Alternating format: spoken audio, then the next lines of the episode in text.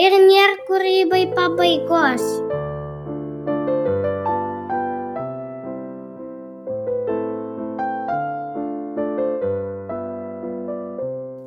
Sveiki, su jumis Rasa Sagė ir podcastas kūrybiškiams žmonėms.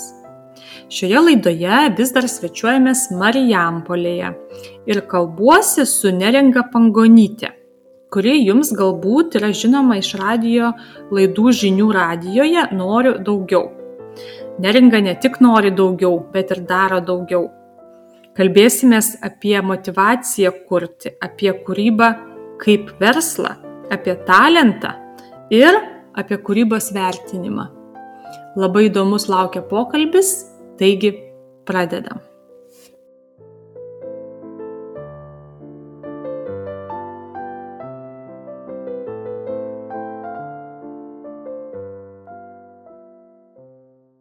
Labas neringa. Labas Resa. Kaip tau sekasi?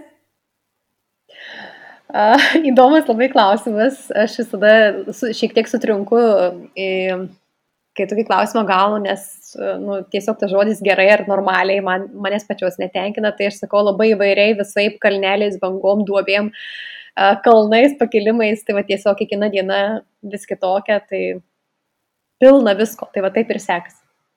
Tai va čia kūrybiškų žmonių atsakymas, kad nėra nei gerai, nei blogai, o sekasi įvairiai.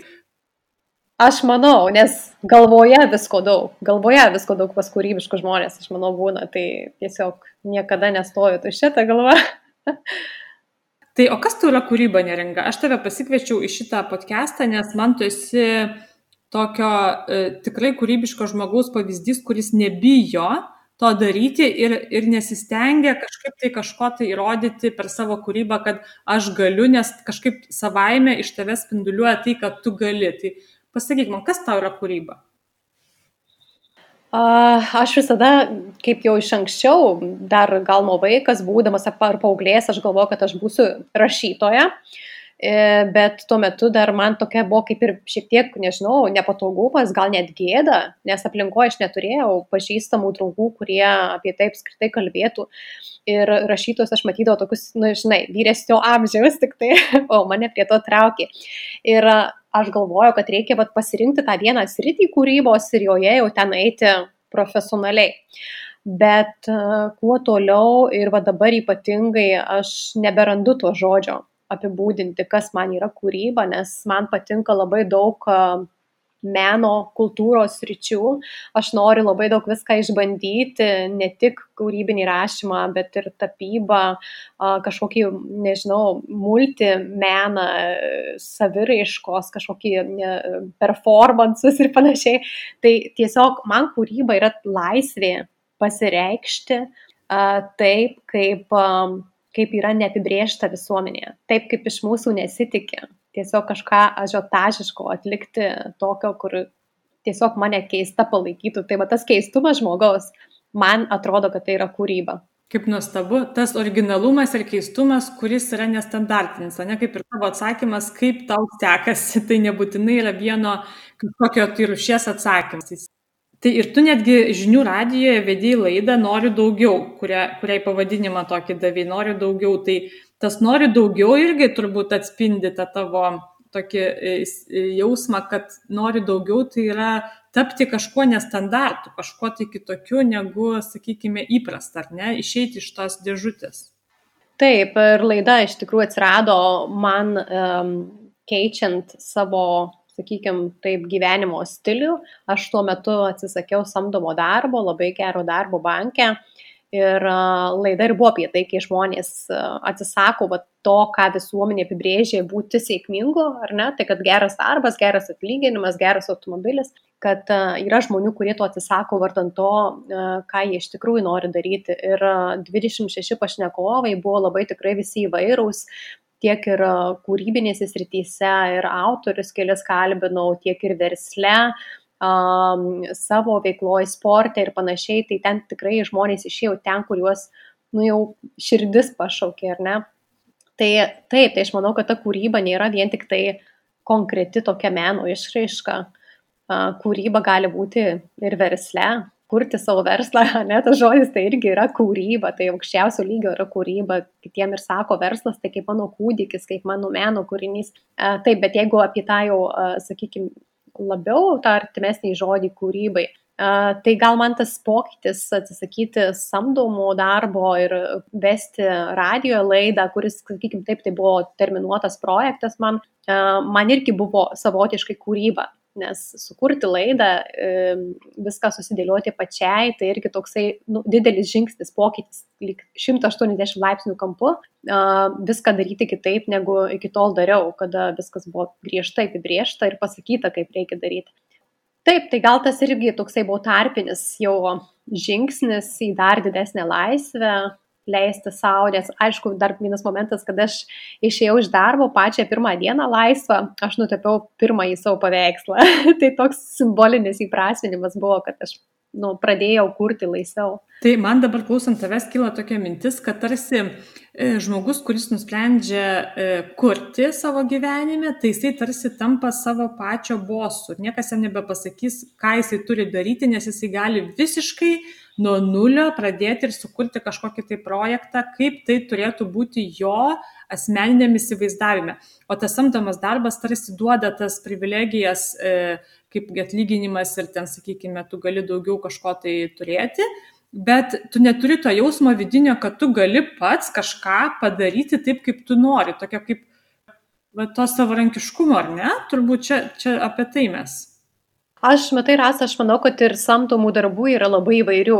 Yra tokių, kuriuose aš pažįstu žmonių, kurie yra samdomi darbe labai laimingi ir ten yra daug laisvės ir kūrybos. Tai aš galvoju, gal čia priklauso tiesiog nuo darbo pobūdžio. Aš kadangi dirbo tokie srityje kaip bankininkystė, tai suprantama, kad tai yra sritis, kur yra labai griežtai pribota ir, ir visos ten, um, žinai, darbo taisyklės, sąlygos, kiekvienas žingsnis turi būti pamatuotas. Tai gal tiesiog aš papuoliau tokią sritį, kuri, kuri mane labai varžė ir aš tada suvokiau, supratau, kad aš visgi negaliu būti um, tarptų grotų. Aš noriu būti laisvas paukštis. Tai man tas savo dabar gyvenimo kūrimas jau daugiau negu metai tikrai yra kaip kūryba, bet ne visiems žmonėms ir tai tinka. Kitiems galbūt reikia to suvaržymo disciplinos taisyklių, nes jie patekę į tokią laisvę gali visiškai pasimesti ir nežinoti, ko griebtis jeigu dar tuo labiau nėra disciplinuoti žmonės. Tai labai daug laiko gali prašvaistyti ir siekiant rezultatų ir tiesiog jų nepasiekti ir vėl grįžti į samdomą darbą. Tai aš manau, čia galbūt priklauso nuo žmogaus pagrindinio poreikio kuris tai yra ar stabilumas, saugumas, ar laisvė, ar ne, ir nuo apskritai, sakykime, įvaldytų įgūdžių, įpročių ir savybių, ar tas žmogus gali būti, vat, šiaip pat savo savarankišką veiklą užsiimti, ar jis turėtų dirbti samdomą darbą. Galbūt čia sutapimas, kad dauguma menininkų yra dirbantys savo, bet pažįstu tokių, kurie dirba ir labai tokiuose nesusijusiuose pareigose, nesusijusiuose pareigose ir kartu ir kuria. Tai aš manau, kad kūrybiškumas jisai nu, neapibrėžiamas pagal pareigas iš esmės. Tai arba darbą pagal veiklą, tai tiesiog gali šalia uh, būti dalykas, kuris šalia eis visą gyvenimą ir bus pritaikomas to žmogaus gyvenime taip, kaip jam atrodo geriausiai. Na, aš dabar labai gir, dažnai girdžiu, turbūt ir visi klausytojai girdi tokią klišę, kad tarsi dabar vat samoningumo toks laikotarpis, visi siekia kitokio gyvenimo būdo, negu, sakykime, mūsų tėvai gyveno. Ir ta klišė tokia, kad bankė dirbau, buvo labai sunku ir neturėjau erdvės ir tada išėjau, pradėjau naują gyvenimą. Tai va tas klišė, kad bankas yra tarsi ta, tas, tas, ta vieta, kur yra nu, ne, negera būti, todėl kad tai labai tave riboja. Bet aš dabar galvoju, ar tikrai yra žmonių, kurie, sakykime, siekia samoningumo, bet vis dar gali gerai jaustis bankė. Aišku, yra. Tikrai tai nėra bloga darbo vieta, tiesiog jinai netiko man. E, aš bankė tikrai sutikau, ir, nes dviejose bankuose esu dirbus ir e, ten sutikau fantastiškų žmonių. Ir jie, dauguma jų turi kažkokias po darbo veiklas ar savo antrą kažkokią tai veiklą ar hobius ir ten kažkas teatrė vaidina. E, viena moteris, atsimenu, roko grupiai grojo, kažkas šoka, kažkas vaikam užsėmimus veda. Yra įvairiausių žmonių ir ten tikrai, nu, bankininkas tai nėra žmogaus asmenybės tipas, tai yra tiesiog darbas. Kažkam taip, tai yra tokia fantastiška veikla ir toks geras darbas, kad jie tiesiog ten ir dirba 20, 30, 40 metų ir yra laimingi viskas tvarkoja, kai ta žmonių, kaip ir visur, aš manau, jinai yra, nes pasimetusių, nežinančių, ko nori žmonių, tokių kaip aš, tikriausiai yra daug ir visur, tai tiesiog kol netėjai, nepabandėjai, tol nežinai. Tai e, čia tiesiog taip, aš manau, kaip tu rasa sakai, tai yra klišė, kad bankas yra bank, darbas bankiai yra tokia, sakykime, ten juoda vieta ar kalėjimas. Ne, tiesiog man, man tai buvo kalėjimas, kažkam kitam tai yra didžiulė savirealizacija ir, ir žmonės ir karjeros siekia ir, ir, ir gyvena puikiausiai. Kažkam atrodo, ką aš dabar darau, kad galbūt nesąmonė aš čia veikiu ir, ir kaip čia jinai dabar taip čia gali nieko neveikti. Ką tu dabar darai, papasakok. Oi, kuo aš tik tai darau? tai aš turiu tokias dabar, sakykime, dvi pagrindinės veiklas. Viena daugiau yra, uh, sakykime, veikla, kuri atneša į mano šeimą finansus. Tai yra verslas tinklinio marketingo kompanijoje. Uh, kurį pasistačiau per metus laiko ir, sakykime, dabar tikrai labai patogiai ir gyvenam ir toliau augam ir dirbam, klestim. O kita veikla yra visuomeniniai, bet irgi pagrindiniai laiko prasme užima, galima sakyti, tiek pat laiko. Tai yra kultūros variklis BVM Marijampolė, tai renginių, e, renginių erdvė, kur ir patys kažkokius tai renginius būna suorganizuojam, bet daugumoje tai išnuomojam erdvę kitiems renginiams arba tiesiog padedam organizuoti kitus renginius. Tai visokie ir, ir workshopai vyksta, ir turėjo ir knygų pristatymų, ir muzikinių vakarų, edukacinių veiklų. Va šį penktadienį turėsim spektaklį. Tiesiog susibūrimai kažkokių klubų, ar ne, būna moksleivių arba seniorų. Tai tiesiog erdvė, tokia lofto stiliaus, kur galima, kaip sakyti, gyvendinti įvairiausių pobūdžio projektus, renginius ir panašiai. Tai va čia yra ta mano antroji veikla. O žinių radijas, tai šiuo metu nesu žinių radijoje, bet turim planą naujai laidai, tai va tikriausiai spalį jau galbūt sugrįšiu su nauja laida dar ne šimtų procentų uh, apspręsta, bet nu jau didelė tikimybė. Tai va, o kūrybas, kūryba yra šalia. Tai tiesiog, aišku, ta erdvė, kurią mes čia turim, kurią uh, įsteigiau, tai jinai tikrai labai palaiko tą kūrybinę dvasę, nes ir parodos keičiasi, tenka bendrauti su menininkais, kreipiasi žmonės gana kūrybingi, kurie savo kažkokius tai užsėmimus nori pas mus daryti, organizuoti. Tai ta kūryba nuolatos sukasi, sukasi aplink. Mhm. Tai vad man kažkodėl dabar kyla mintis apie pakalbėti apie kūrybą kaip verslą, nes tu esi labai versli, tu tiesiog tikrai dėgi tuo, kad tu moki daryti verslą iš savo veiklos, nu, to prasme gyventi ar ne iš to, uždirbti kažkiek tai pajamų. Tai kaip, vat, pasakyk, vat, sakykime, klausantiems žmonėms patarimų, kaip padaryti iš kūrybos verslą. Taip. Su šituo, su šituo tikrai tenka susidurti, nes uh, uh, pažįstu dabar keletą žmonių, kurie yra tikrai nu, fantastiški menininkai ir ten talentų, talentai, bet jie nesugeba, nemoka, sakykime, parduoti savo kūrybos, jiems tai yra sunku, jie, jie gerai jaučiasi kurdami pakankamai introvertiškos asmenybės, bet kai reikia išėti į žmonės ir kalbėti apie savo darbus ir, ir kažkaip juos netgi reklamuoti, tai jiems yra labai sunku. Aš manau, kad dažnu atveju tai yra nesuderinami dalykai.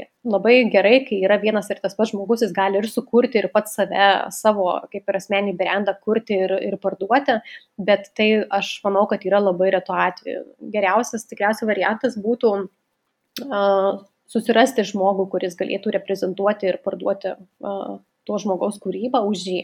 Tai jeigu tikrai pats ne, ne, nesugeba, negali ir nenori, bet jeigu nori, tai išmokti visko galima, nes vat kitoj mano veikloje, tai aš stipriai dirbu su pardavimais, su verslu ir žmonės, kurie turi didelius tikslus, aukti ne tik finansiškai, bet ir, ir asmeniškai tobulėti. Tai ten mes ir mokomės įvairių šitų uh, įgūdžių pardavimo, komunikacijos, bendravimo su skirtingų tipų žmonėmis, tai aš visada sakau, kad iš tų dalykų galima išmokti. Jeigu yra talentas kurti ir tikrai ten žmogaus plaukia iš vidaus viskas, tai čia jau yra talentas, kurio neišmoksi. Bet pardavimų ir save reprezentuoti ir parduoti savo kūrybą gali išmokti visi. Tik tai norėti, aišku, reikia. O kalbant iš pačios perspektyvos, nu, man kol kas irgi šitas sunkiai galbūt sekasi, nes tiesiog kartais sunku persijungti iš kūrybininkės į pardavėją savo toj pačioj, sakykime, kūrybinėje veikloje. Kitas dalykas, laiko tam yra netiek jau ir daug, tai lieka nuo kitų veiklų. Tai žiūrint į, pažiūrėjau, tą kultūros variklį, tai, nu taip, čia jis atrodo kaip verslas, ar ne, kaip organizacija, nors yra ne pelno organizacija, bet iš esmės kaip verslas. Uh, bet aš, taip pat tikrai pasakius, dabar neuždirbu iš jo nieko. Tai ir manęs klausė, atsimenu, Rotary Biuros klubas buvo svečiuose, aš pristatinėjau mūsų veiklą ir sako, nu, va, tu kaip bankininkai tikriausiai čia viską suskaičiavai, kuriant ir, nes kadangi aš dirbdavau su finansavimo projektais, dideliais verslais, tai kaip ir turėjau būti viską čia suskaičiavusi iki, iki smulkiausios eilutės ir įvertinus, bet aš, mano atsakymas buvo toks, sakau, ne, žinokit, aš nieko neskaičiavau kuriant šitą erdvę aš nieko neplanavau, nestrategavau ir neskaičiavau, aš ją kūriau tiesiog iš širdies, nes aš žinojau, kad aš jeigu būčiau suskaičiavus, šitos erdvės būtų nebuvę. Aš ne kaip verslininkai kūriau šitą erdvę. Aš ją kūriau savo. Tiesiog savo iš širdies, o dabar dalinamės su visais. Tai. Bet tai tame esmė kūrybos, kažkaip ją suprantu, kad, kad kūryba eina iš širdies ir tarsi tai yra tokie skirtingi dalykai, kad tokia skirtinga energetika, sakykime, kaip pavyzdžiui, rašai knygą ir paskui reikia ją, nu, apie ją kalbėti, eiti interviu arba ten, sakykime, kažkur tai dalyvauti jos platinimo procese, reklamavimo. Tai yra tokia skirtinga energetika, turi kažkaip įrodyti, kad tavo kūrinys yra geras. Ir kaip tu labai gražiai pasakai, kad tavo kūrybinis pro produktas, o ne, sakykime, ta erdvė, jinai visiškai nesusijusi su pajamomis ir su pelnu. Tai ar kaip, kaip tada neringa, tai kaip daryti, kaip, kaip įmanoma tada iš kūrybos, sakykime, gyventi, jeigu tai yra širdies produktas? Mhm. Nu, kalbant apie šitą erdvę, tai taip, mes žiūrim, kad mes galėtumėm išgyventi, tai mes aišku imam pinigus iš uh, kitų organizatorių, žmonių, kurie, įmonių, kurie pas mus kažką organizuoja. Ne? Tai mes tiesiog paimam nuomos mokestį iš patalpas. Tai mes ir žiūrim, kad mes nu, tiesiog tą mėnesį kažkaip pat ir pratemtumėm. Taip pat esam paramos gavėjai, tai dar gaunam ir paramos, kiek prisitraukiam savo jėgom irgi. Bet iš esmės, kad uh, galbūt galima tikrai sugalvoti ir kažką daugiau, kad mes čia ir uždirbtum dar tie, kurie ir dirbam kol kas savanoriškai. Bet iš kūrybos pačios, sakykime, kuriant ar ne, tapybą, pavyzdžiui, paimti. Aš žinau porą menininkų, kurie, kurių paveikslai yra nu, man nerealūs, bet jie sunkiai parduoda ir žinau keletą, kurie labai gerai parduoda, kurie vos spėja tapyti. Tai aišku, jie tokie yra daugiau komerciniai menininkai, tai čia vėlgi gal ką pasirinks, ar, ar komercija, ar būti to aukšto lygio menininku, kuris nei vieno paveikslo galbūt neparduos per visą gyvenimą. Nesu labai jau taip giliai įsigilinusi į šią sritį, sakykime, iš akademinės srities ir kaip sako, kad tas va, yra profesionalus menas, kada jau ten atitinka dešimt kažkokių tai punktų, keli iš jų ten yra sakykime, surinkta oficiali paroda ir įtrauktas į kultūros kažkokį tai sąrašą kaip menininkas. Tai jau tada jau skaitosi, skaitaisi, kad esu, esi profesionalus menininkas. Nu, man tai yra nesąmonė. Aš apskritai esu prieš akademinį bet kokį uh, pokrypį kaip po tikrą profesionalų ir tą tokį jau vienintelį. Aš manau, kad kūryboje mene gali reikštis visi, kas tik nori, nesvarbu, e, koks amžius, koks išsilavinimas, ar toj srity, ar kitoj srity, ar atitinka kažkokius tai reikalavimus ar ne, nes tie reikalavimai tai yra irgi sugalvoti kažkieno.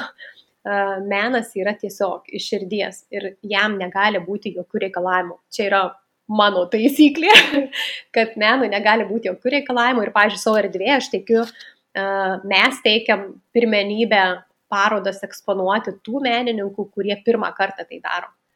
Aš vat noriu, kad čia būtų kuo daugiau tokių, kurie pirmą kartą eksponuoja. Ne tie, kurie ten eina per visas galerijas Lietuvoje ir e, eksponuoja jau 20 kartą, bet tie, kurie dar nie karto neišdryso. kad paskatinti juos arba tiesiog paskatinti kažką sukurti būtent, kad uh, galėtų eksponuoti savo darbus.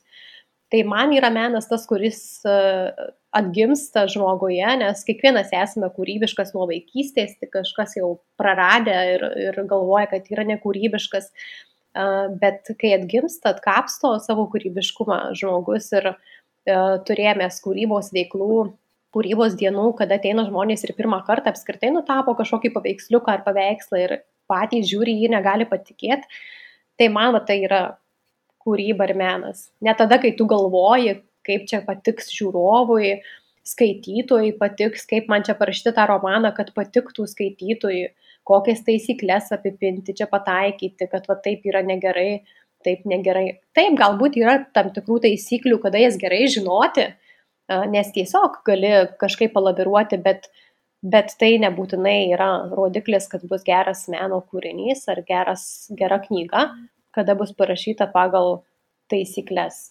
O kas tavo nuomonė yra talentas? Nes E, matai, yra tokia kaip ir dviguba, aš bent jau kiek dabar va, domiuosi ir matau, kad yra tokia dviguba, dvipusė, galima sakyti, nuomonė, nes iš vienos pusės taip, kurti gali visi, taip, aš pritariu visiškai tau, kad žmogus yra kūrybiškas iš savo prigimties ir jisai e, gali tikrai išlaisvinti savo kūrybiškumą ir tai daryti, jeigu jį tai traukia ir nori tą daryti, bet iš kitos pusės yra tikrai toksai dalykas, kad žmogus tarsi nori, kurti ir daryti, bet jo kūrybos niekas ne tai, kad nesupranta, bet visuomenė nevertina pagal savo kažkokius tai tam tikrus, kaip tu sakai, sugalvotus kriterijus, bet kad ir, sakykime, apie, apie knygą arba kažkokį tai tekstą arba kad ir paveikslą, nu, sakykime, ateina žmogus ir sako, ne, čia yra netalentingas kūrinys. Kaip tau atrodo, kas yra talentas? Tai apie tą vertinimą gal dar, dar šiek tiek pradžiai, kad e, vertina vis tiek yra, vertina kažkas kitas. Ir visada bus tokių, kurie, kuriems patiks ir kuriems nepatiks. Ir jeigu patinka labai mažam kiekiu žmonių, ir tada vat menininkas sako, o čia nesąmonė tada padariau, nes, nu, masiai nepatinka. Tai, nu, man tai klaustukas tada. Tai masiai nepatinka, man kaip tik gerai, kai masiai nepatinka, atrodo, nes tada tu tikrai meną išlaužiai. Nes jeigu masiai patinka, tai jau yra komercija. Jeigu visai masiai, įsivaizduoju, kaip, pažiūrėjau, knygos ar ne yra bestselleriai, tai yra masiniai, tai reiškia, visai masiai patinka bestselleris, nu jis nebus tas tikrasis meno kūrinys. Ten, pavyzdžiui, paimti kažkokią knygą, kuri yra aukščiausio literatūrinio ten lygio, nu ne kiekvienas ją skaitys, ne kiekvienas, ne kiekvienam jinai bus įkandama. Tai vėlgi aš galvoju, kad meno tą lygį apibrėžia ne, sakykime, kiekis žmonių, kuris tai vertina, o tiesiog apskritai jis neturėtų būti vertinamas. Tai menininkas neturi, aš tai galvoju, kad menininkas neturėtų siekti savęs įvertinimo, savo kūrybos įvertinimo ir to validavimo pagrindimo pagal, pagal žmonių skaičių. Aišku, jis jeigu nori iš to uždirbti, tai taip, tada jau tai, tai yra jau, jau kad, sakykime, kita meno uh, sritis, apskritai strategija gal, ar ne, kūrybos strategija, uh, kada tu nori iš to uždirbti ir turi pagrindinę mintį, kad aš parašysiu knygą, jinai taps bestselleriu ir aš uždirbsiu labai daug pinigų. Tai gerai, tai viskas tai nėra nieko blogo, bet tai ne, ne to aukščiausio kūrybinio laipsnio siekimas, tai yra tiesiog siekimas nu, sėkmės finansinės iš savo kūrybos yra atvejų, kada menininkai kūrė negalvodami apie tai ir tada juos kažkas surado ir kažkas kitas juos iškėlė ant to piedestalo. Tai tų atvejų yra įvairiausių.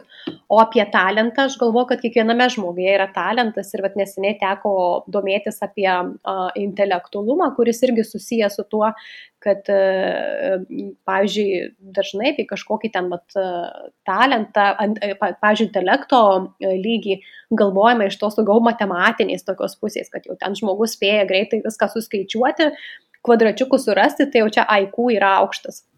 O pasirodo ir, ir talentų, ir aikų yra uh, septyni ar aštuoni lygmenys, rytys, kuriuose žmogus gali būti talentas. Pavyzdžiui, talentas komunikacijos rytyje, komunikuoti, bendrauti su žmonėmis.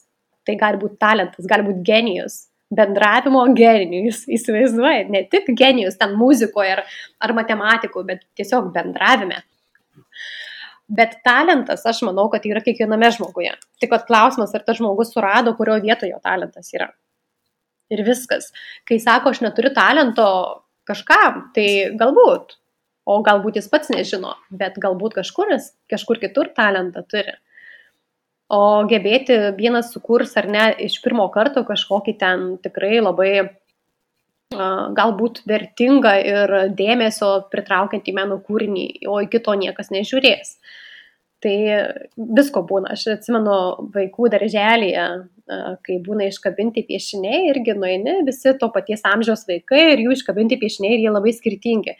Ir būna vienas arba du labai išsiskiria. Bet išsiskiria tuo, kad jie apskritai nukrypsta nuo temos. Aš atsimenu, buvo toks atvejis, kad uh, buvo tema nupiešti kėdę, ten berots auklėtoja, keturių metų kažkur vaikam, auklėtoja parodė kėdę ir visi vaikai turėjo ją nupiešti, kai yra keturios kojos ir atlošas, ta tokia standartinė kėdė. Nu ir, ir iškabinti tie piešti ir, ir visi tokie daug baš ten, vienų kėdė mažesnė, kitų didesnė, spalvos skiriasi, bet pagal tas pačias taisyklės - keturios kojos ir vienas atlošas. Ir vienas e, piešinys iškabintas ten toksai, nu, uraganas. tu prasme, zigzagai eina, eina, mergaitės vardas parašytas. Ir aš sakau auklėtai, sakau, o, čia tai, čia įdomiai, sakau, ir auklėtai nuleido taip pos negalvą ir sako, mes su jie nesusitvarkom. Su ta mergaitė įsivaizduoja. Mergaitė nupiešė kėdę, nu, ne taip kaip visi, ne taip kaip liepė auklėtoje. Ir jau, vat, jinai buvo vertinta kaip nu, netitinkanti visuomenės normų, nes su jie neina susitvarkyti, jinai nepakluso taisyklėms. O mano mintėse tai iškart buvo, čia kažkas tai bus su jie. Nu, ta prasme, nu, aišku, kaip ją pakreips, ar, ar žinai, kokia linkme, ar, ar skatinimo kūrybo, ar kažkur kitur, ar drausminimo griežtai. Tai jeigu skatinimo, aš manau, kad tas žmogus gali būti labai įdomus žmogus, užaugęs ir, ir iš savęs labai daug, daug ko ištransliuoti, daug atiduoti pasauliui kuris, būdamas keturmetis, nepaklūsta taisykliai nupiešti kėdę taip, kaip jam liepia. Tai aš manau, kad ten būtent ir yra talentas to vietoje.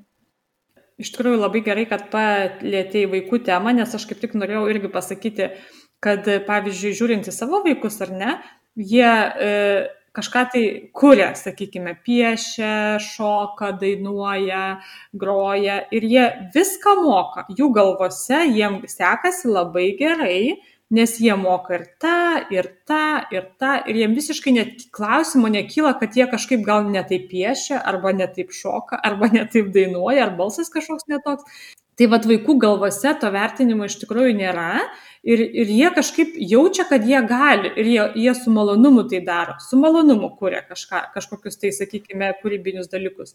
O kaip, Tai aš irgi su tavim visiškai pritariu tau, kad, kad paskui mes pradedam juos formuoti, kad ne, tu šiek tiek netaip dainuoji, tavo balsas yra ne, ne toks geras ir tu gal geriau nedainuok ir tu geriau negrok, nes tai yra ne tai, kaip mes įsivaizduojam, koks turėtų būti menas. Ir automatiškai, vat, kaip tu pasakai apie tą mergaitę, kuri nupiešė kėdę kitaip, jinai tarsi ne, netitinka tų rėmų ir kadangi netitinka rėmų, tai jinai tarsi nėra talentinga. Bet man, šitai, man šito vietoje yra iškreipta.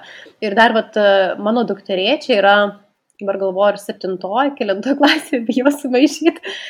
Ir kai buvo karantino laikotarpis, viskas vyko internetu pamokos. Ir uh, dailės berots buvo pamoka, ne, ne, ne berots, o tikrai dailės, bet dabar galvoju, čia karantino metu tas įvykis buvo anksčiau.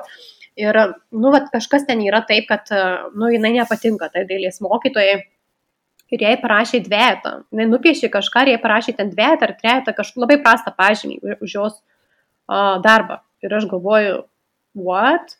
Pažymus dailės pamokoje rašo.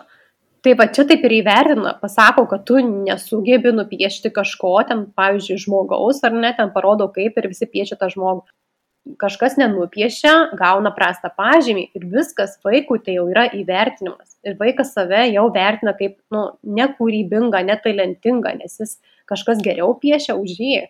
Aš nesuprantu, kaip apskritai galima vertinti kūrybą pažymiais. Nu, visiškai spastai, spastai žmogaus kūrybiškumui. Kūryba apskritai turėtų būti nevertinama ir man, pažiūrėjau, su mano paveikslais, kuriuos, kuriuos čia per karantiną pritapiau ir, ir, ir net parodą spėjau surenkti irgi manęs klausė, tai kiek kainuoja. Ir aš, nu, kažkaip nedrįstu, nežinau, nežinau, ką pasakyti. Tiesiog nežinau, kaip juos įvertinti pinigais. Tai tiesiog galbūt yra kažkokie nu, meno konsultantai, yra, yra tikrai e, meno agentai, konsultantai, kurie patys gali vat, irgi padėti ir parduoti ir galbūt įvertinti tą kūrybą, bet pačiam menininkui aš manau, kad yra labai sunku, nes uh, galima vertinti laiką, per kurį nutapėjo, galima vertinti apskritai brandą ir patirtį žmogaus, kuris, kurio ranka tai padarė. Tai mano, pavyzdžiui, visi paveikslai nutapyti per 20 minučių ir buvo mintis, kad 20 minučių yra laikas labai trumpas ir dauguma žmonių galvoja, kad jo tapyti, tai čia valandų valandas reikia sėdėti. Ir aš kaip tik norėjau parodyti, kad kiekvienas gali tą padaryti visų pirma, nes aš tapybos niekur, niekur nesimokiau ir neplanuoju mokytis. Ir aš kaip tik noriu būti kitokia ir galbūt eksperimentuoti ir tokia alternatyvi, daugiau tam tokiam akademiniui menui. Ir aš noriu parodyti, kad per 20 minučių galima padaryti labai daug. Ir kiekvienas gali tą padaryti ir gali padaryti net už mane geriau, bet uh, klausimas, ar išdrįsta visų pirma žmogus ir apskritai, ar randa tą 20 minučių paimti teptuką, susidėlioti dažus ir padaryti meno kūrinį. Nes problema daugumo yra, kad kiekvienas, dauguma žmonių galvoja, kad jie gali, bet jie tiesiog nedaro. Bet tas pats su knygų rašymu būdavo. Irgi, kai studijavau grožinę kūrybą, tai kiekvienoje srityje yra anegdotų, tai ten būna anegdotų labai daug toje srityje tarp mūsų visų bendraminčių. Tai vienas irgi būdavo iš, iš anegdotų, kad skaitosi autorius jau berašantis knygą, bendrauja su žmogumi ir jo, ir jo tiesiog paklausia, o tai tu knygą rašai. Taip, ir tas kitas žmogus sako, aš irgi turiu idėją knygai. tai ir pradeda kalbėti, kaip jis planuoja rašyti knygą, nors jos dar nerašo. Tų planuojančių, galvoje, galvojančių gatvėje šimtai vaikšto, bet atsisėdančių ir rašančių, ar ne, ar tapančių yra vienetai. Tai va tas kūrybiškumas ir yra dar, ne, aspektas yra pradėti, nu, realiai tą padaryti, o ne tik apie tai galvoti. Ne tik fantazuoti, girtis ir pasakoti, bet iš tikrųjų paimti ir padaryti. Tai va labai dabar laiku noriu paklausti ir klausimą apie motivaciją iš kur tu randi va to tikėjimo savim, ar jis yra prigimtinis, ar, ar tu kažkaip save užsimotivuoji, iš kur tu turi va tos motivacijos ir to tikėjimo savo kūrybą, nes čia yra vienas iš tokių pagrindinių uh, sakyčiau, kliučių žmonėms kurti, nes jeigu, sakykime, jie nesijaučia talentingi arba nesijaučia, kad jų kūrinių kažkam reikia, bet irgi dažnai labai girčiu, kad, ai, nu kam čia to reikia, nu jau čia tiek prikurta, kam čia dar aš, kaip sakoma, lysiu su savo tom idėjomis. Tai iš kur va pas tave motivacija? O aš irgi norėčiau žinoti, iš kur. Kažkaip nu, apie tai net negalvoju, nes pas mane visada yra idėjų ir minčių žymiai daugiau negu laiko joms įgyvendinti. Visada. Aš jeigu turiu, pažiūrėjau, laiko tarpą, pas mane atsiranda ar dienoje, ar apskritai veikloje kažkoks tai tarpas, aš turiu rinktis iš kokiu ten minimum penkių variantų, ką man va, tame tarpe nuveikti. Ir va turi išsirinkti vieną, kas yra sunkiausia, ar ne, nes vienu metu gali daryti vieną dalyką motivacija man nuo vaikystės yra šitas, nes aš būdavo, nespėdavau visko padaryti vaikystėje, ko aš norėdavau. Tokių momentų, kaip nuobodžiauju, pas mane niekada gyvenime nėra buvę. Aš norėčiau prie pirmadienio, antro pirmadienio, prie antradienio, antro antradienio, kad padvigubėtų laikas ir tai tikriausiai nespėčiau. Tai gal ta motivacija ir yra tai, kad pas mane tiek minčių, idėjų ir svajonių, kad aš tiesiog leidžiu savo tą daryti. Aš leidžiu savo svajoti. Uh, Ir gal motivacija, aš manau, kad sustiprėja ta vidinė, čia kalbėkim, nes apie išorinį, tai na, tokia trumpalaikį labai daugiau sustimuliuoja ar ne kažką ir, ir tada darai, kol dar turi to įkvėpimo.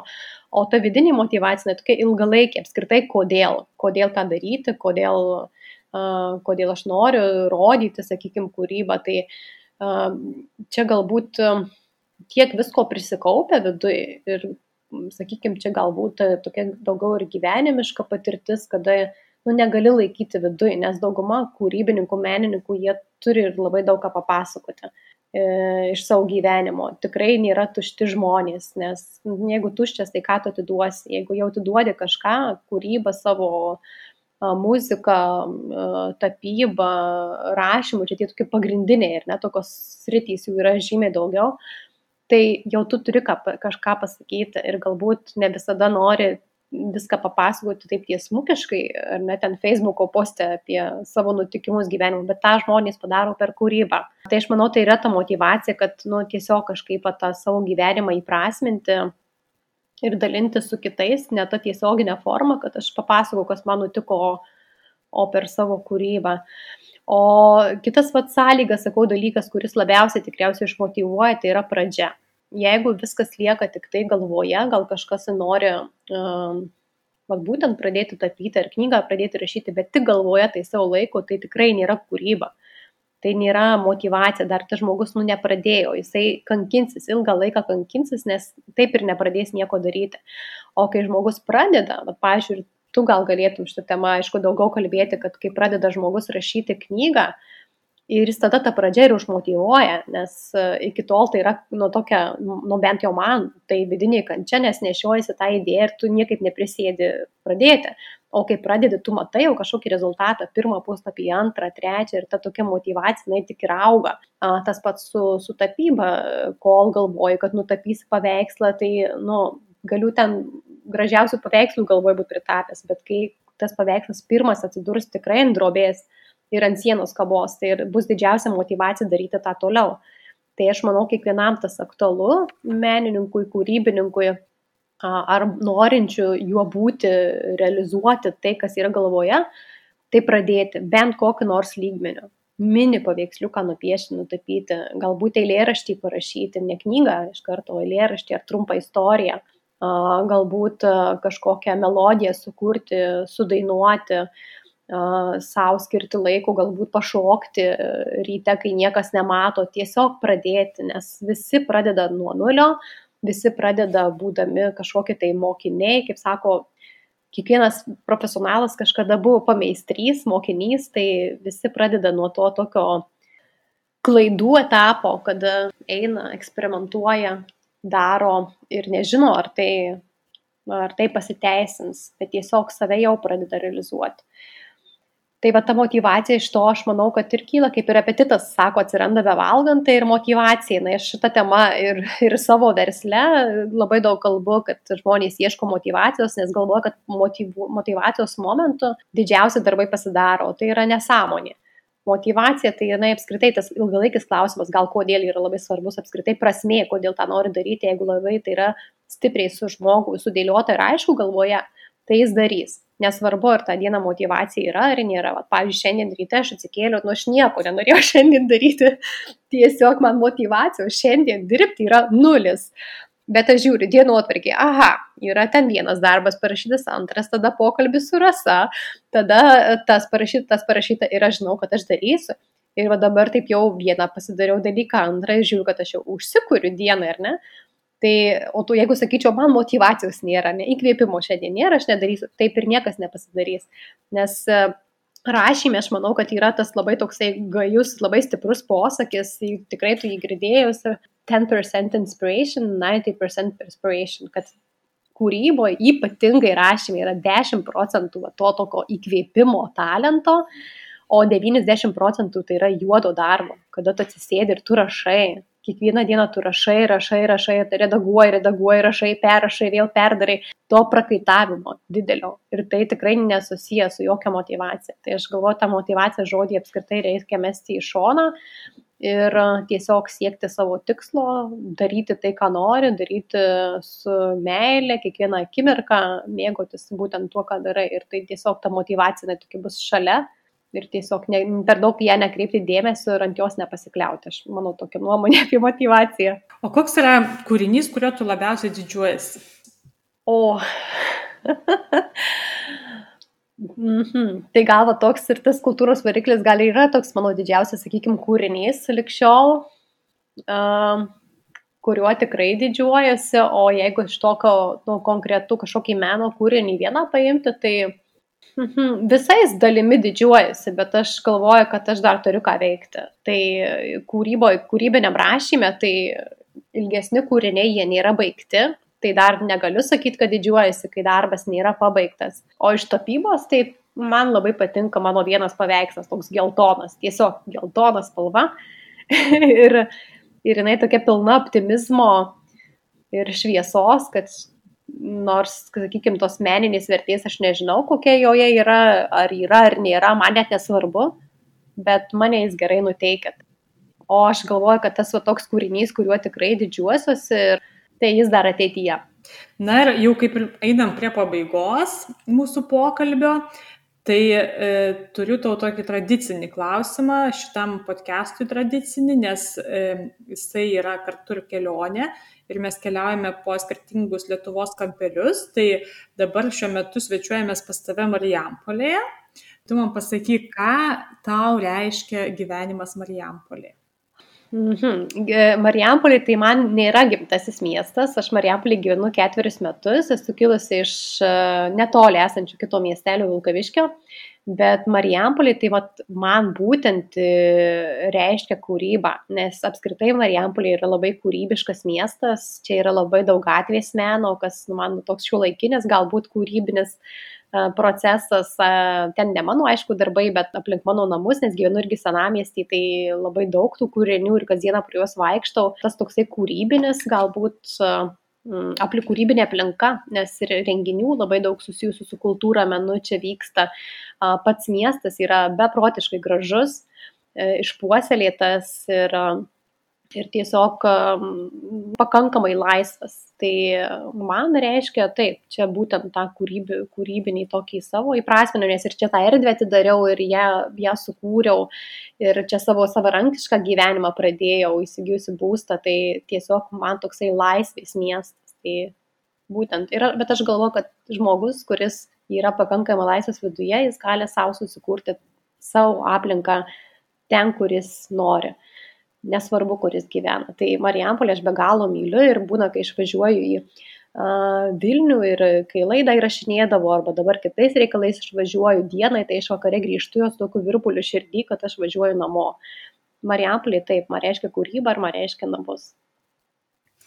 Tai neringa, labai ačiū tau už tavo mintis ir pokalbį, tiek apie kūrybą kaip verslą, tiek apie talentus, tiek apie motivaciją. Ir galbūt pabaigai galėtum pasakyti tokį kaip ir palinkėjimą arba patarimą klausytojams mūsų.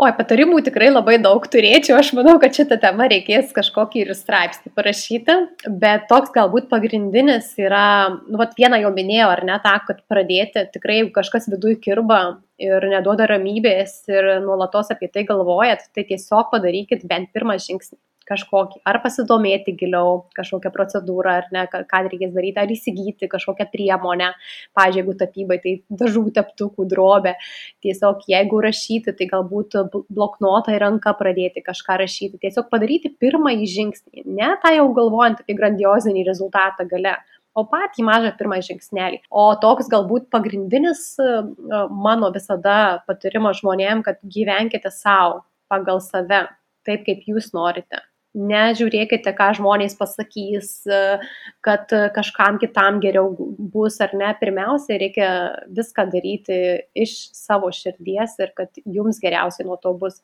O kai jūs jau padarysite tai, busite be galo laimingi ir tai bus ta didžioji meilės išraiška savo, tada ir aplinkui visi žmonės tikrai bus laimingi, ypatingai visi artimi žmonės. Aš manau, kad čia yra didžiulis stabdis daugeliu žmonių ir bėda, kada žmonės gyvena ne savo gyvenimus. Tai mano palinkėjimas tiesiog tau leisti, leisti daugiau uh, vienoje pradžioje ir ne tų momentų, kada jie yra skirti tikrai jums. Ir uh, tada savo visą gyvenimą taip kurti. Sau, bet ne kitiems. Aišku, tame bus labai daug gėrio aplinkos ir kitiems, bet uh, pirmiausia pasižiūrėti į save.